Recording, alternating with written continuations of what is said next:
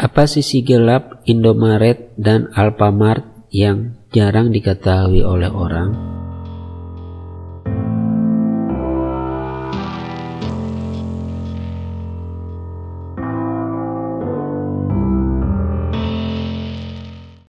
Jawaban saya berdasarkan pengakuan dari karyawan Indomaret.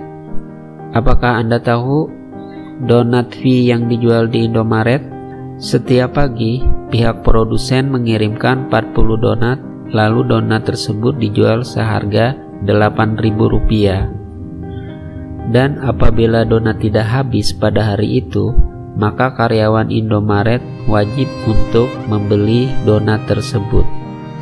Ambil contoh, jika donat pada hari itu sisa 10, maka totalnya adalah 80.000. Jika karyawan dalam dua sip ada delapan orang, maka masing-masing orang patungan sepuluh ribu. Mereka karyawan Indomaret dipaksa untuk membeli donat tersebut dari uang pribadi mereka.